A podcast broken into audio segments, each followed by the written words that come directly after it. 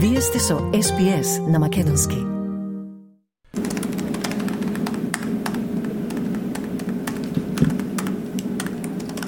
Бен Џонстон завршил средно училиште во 2020 година.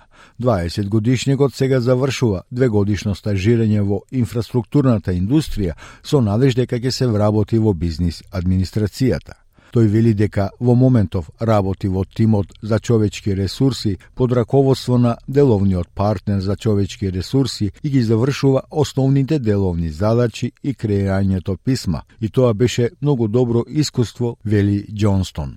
I'm working in the HR team at the moment, so sort of working under the HR business partner, um, just sort of shadowing her and completing, you know, basic admin tasks and letter creation. I started off in this traineeship with um, project managing and then went into procurement. It's been a, a very good experience to get all, all different sides. При раѓањето тој е роден целосно слеп. Тој вели дека влегувањето во работната сила било добро за учење за сите и додава дека многу од компаниите во кои работел не работеле со некој со попреченост, така што тоа беше голема, предпоставувам, крива на учење за сите само да разберат како работам.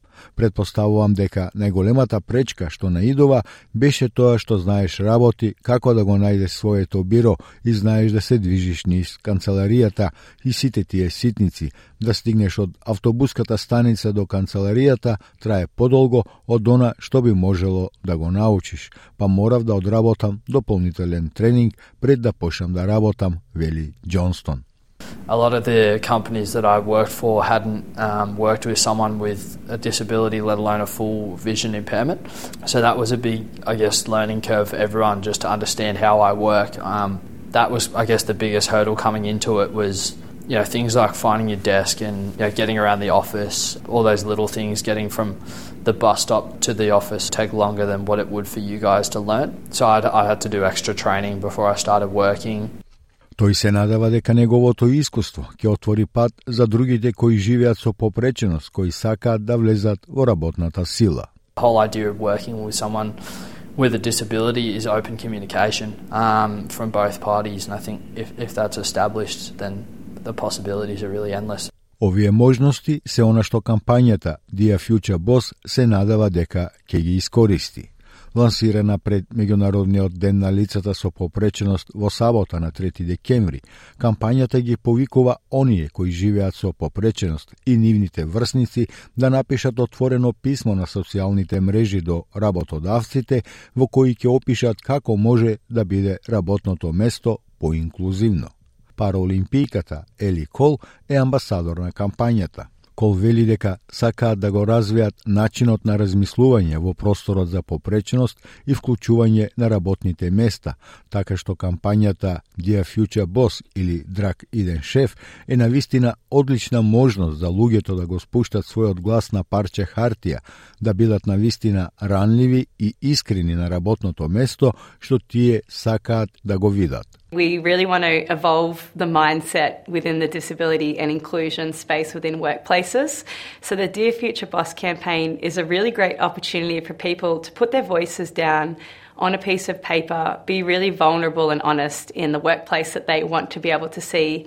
Кампањата доаѓа откако годишниот извештај на најголемиот австралиски снабдувач на услуги за вработување со попреченост покажа дека 58% од австралиските работници со попреченост се чувствуваат вознемирени да ја откријат својата попреченост кај нивните работодавци. 39% пријавиле слаби перформанси на работа поради криење на нивната попреченост и 30% изјавија дека доживеале негативни последици по откривањето на нивната попреченост. 56 годишната Лиза Бакли живее со блага интелектуална попреченост и вели дека се соочила со дискриминација.